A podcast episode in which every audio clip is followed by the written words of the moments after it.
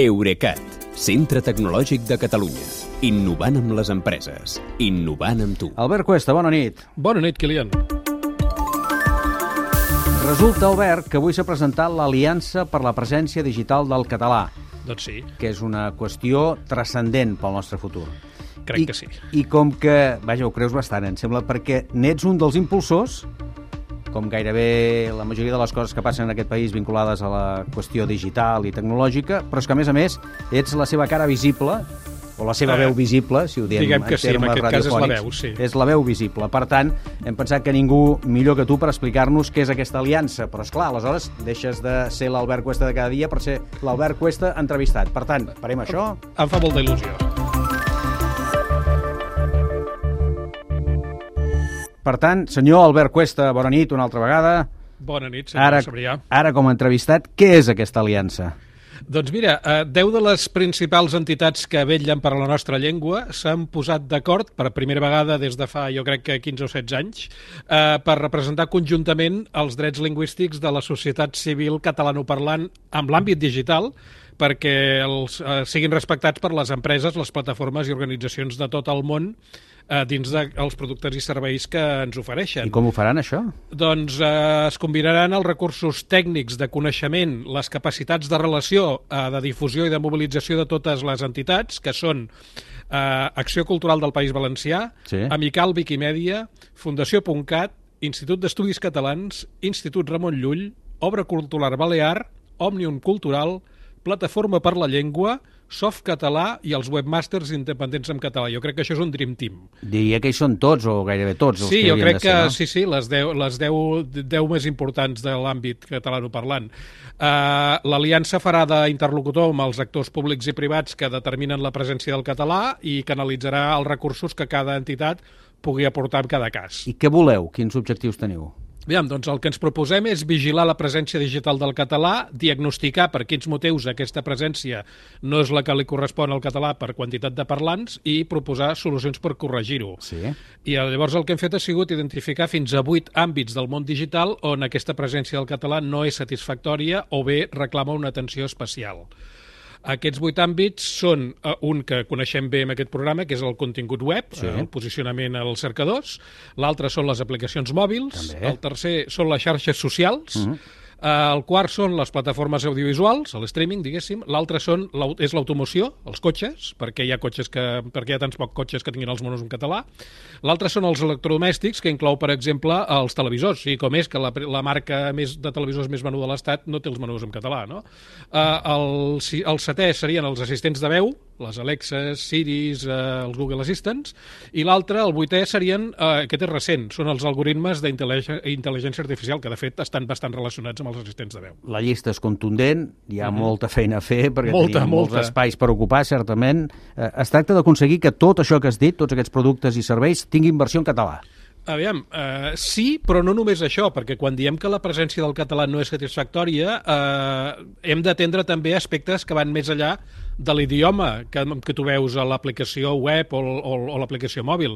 També cal tenir present l'idioma del contingut. Per exemple, si en un lloc concret es pot publicar en català o si es respecten, com no està passant, arti- les preferències de l'usuari en els resultats de les cerques webs. També s'ha de tenir en compte el de la participació, perquè hi ha eh, webs on no es pot comentar, no es poden fer comentaris o fer valoracions d'un establiment o puntuar-lo en català i fins i tot eh, un que afecta el, el, a les empreses, els comerços, que és el de la publicitat perquè hi ha mm, plataformes on no es poden publicar o contractar anuncis en català que vagin adreçats a consumidors catalanoparlants. Ja.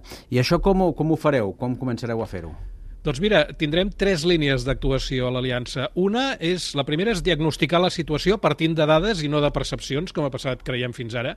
I, per exemple, la primera acció és elaborar un informe que el govern de la Generalitat de Catalunya va encarregar a les entitats ara fa un mes sobre aquest arraconament de les webs en català a les, amb els resultats de cerca web, que, de fet, amb aquest espai vam ser els primers a detectar i a denunciar. Ho han fet diverses vegades, sí. Sí, sí, i a més a més avui a la, a la presentació el Geni Roca, el president de la, de la, de la Fundació.cat, que és, eh, assumeix la secretaria tècnica del, de l'Aliança, mm. ha mencionat específicament aquesta, diguéssim, aquesta primícia nostra. No? Mm. Doncs aquest informe l'està fent la Fundació.cat a partir de les dades de trànsit que estan proporcionant desenes d'organismes públics, empreses privades i mitjans de comunicació eh, que tenen la web en català i en algun altre idioma per poder comparar.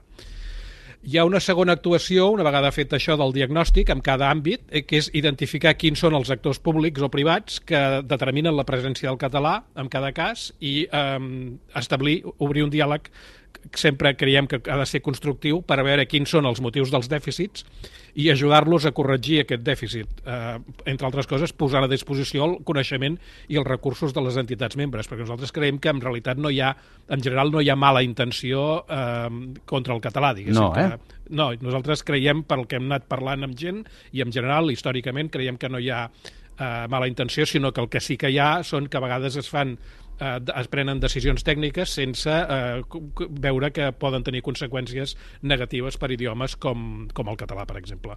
En aquest sentit, per una cosa que, que hem pensat és que demanarem als catalanoparlants que treballin en empreses digitals internacionals que ens ajudin a trobar-hi els interlocutors més adients per, per adreçar-nos amb ells. Sí.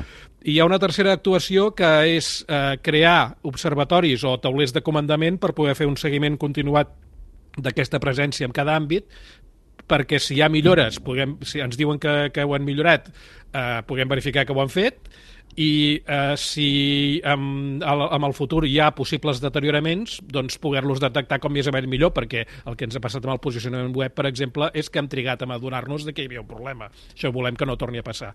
Mm. I, I encara contemplem una quarta categoria d'intervencions en forma de campanyes que ja, eh, les plantegem de tres menes. Una, unes campanyes que puguin ser informatives, per exemple, perquè els usuaris puguin eh, potenciar la seva visibilitat digital de la condició de catalanoparlant. O sigui que un catalanoparlant que vulgui aparèixer com a catalanoparlant ho faci també digitalment, perquè moltes vegades eh, no tens correctament configurats els dispositius i les aplicacions i el, tu pots ser molt català parlant, però la, el, els serveis web no et veuen com a tal. Mm -hmm. Llavors, clar, consideren que no tenen prou audiència en català. De, també es contemplen eh, intervencions, campanyes prescriptives, per, doncs, no sé, destacar els productes i serveis que s'hi donen al català la presència que li correspon davant els que no ho fan, i això pot servir perquè els que no ho fan eh, prenguin exemple, i amb últim recurs doncs, també contemplem fer campanyes reivindicatives per reclamar massivament la presència del català en algun cas, però això crec que és l'últim recurs. I això té algun, algun link, alguna adreça? Sí, eh, tenim, eh, bueno, estem, tenim present, estem presents a les xarxes socials, a Twitter, per exemple, estem amb el perfil digital en català i tenim una web eh, on, que es diu aliançadigital.cat on, a part de veure quines són les, els objectius de l'aliança, eh, també podeu eh, col·laborar proporcionant les dades de la vostra web per exemple. Mm. Molt bé, doncs escolta'm una cosa, traiem-nos el vestit d'entrevistat. Mm -hmm Tornem a l'Albert Cuesta, diguem-ne, expert. Eh, de la teva experiència veient tot aquest projecte, ja ho sé que hi ets posat, però treu-te el barret ara. Eh, mm -hmm. Era el mínim que s'havia de fer, s'havia de fer ja, i quines perspectives hi veus? Eh, ens en sortirem? Home, jo crec que s'havia de fer. Eh, a, mi, a mi sempre m'havia sorprès que no s'hagués fet ja, i per això eh, doncs m'hi vaig implicar eh, intensament i, i crec que és una bona manera d'esperar de, de, de, resultats. O sigui, jo crec que un dels problemes que tenia el català o que té el català és que eh, totes les entitats, en, en major o menor mesura, eh, han fet, eh, en el passat han fet intervencions, intents puntuals però a les grans empreses tecnològiques, eh, diguéssim que per una banda les atabala i per altra la banda els hi va molt bé que els hi arribin les peticions fragmentades. El fet de que tinguem, de que ens presentem una interlocució única Eh, em sembla que ens dona, ens dona força i valor, sobretot, entre altres coses, perquè, a més a més, ens coordinem amb el govern eh, inicialment de la Generalitat de Catalunya, però que també s'incorpora també, els, hem demanat que s'incorporin els governs del País Valencià i de les Illes eh, i d'Andorra. Per tant, crec que estem amb això, el que agafem és agafar un pes específic eh, important que ens dona doncs, eh, doncs, autoritat i solvència davant dels, dels que han de fer coses perquè el català tingui la presència digital que es mereix, diguéssim. Albert, esperem resultats i l'únic que podem fer és desitjar sort a iniciatives conjuntes com aquesta. Albert Cuesta, gràcies. A vosaltres. Bona nit, Kilian.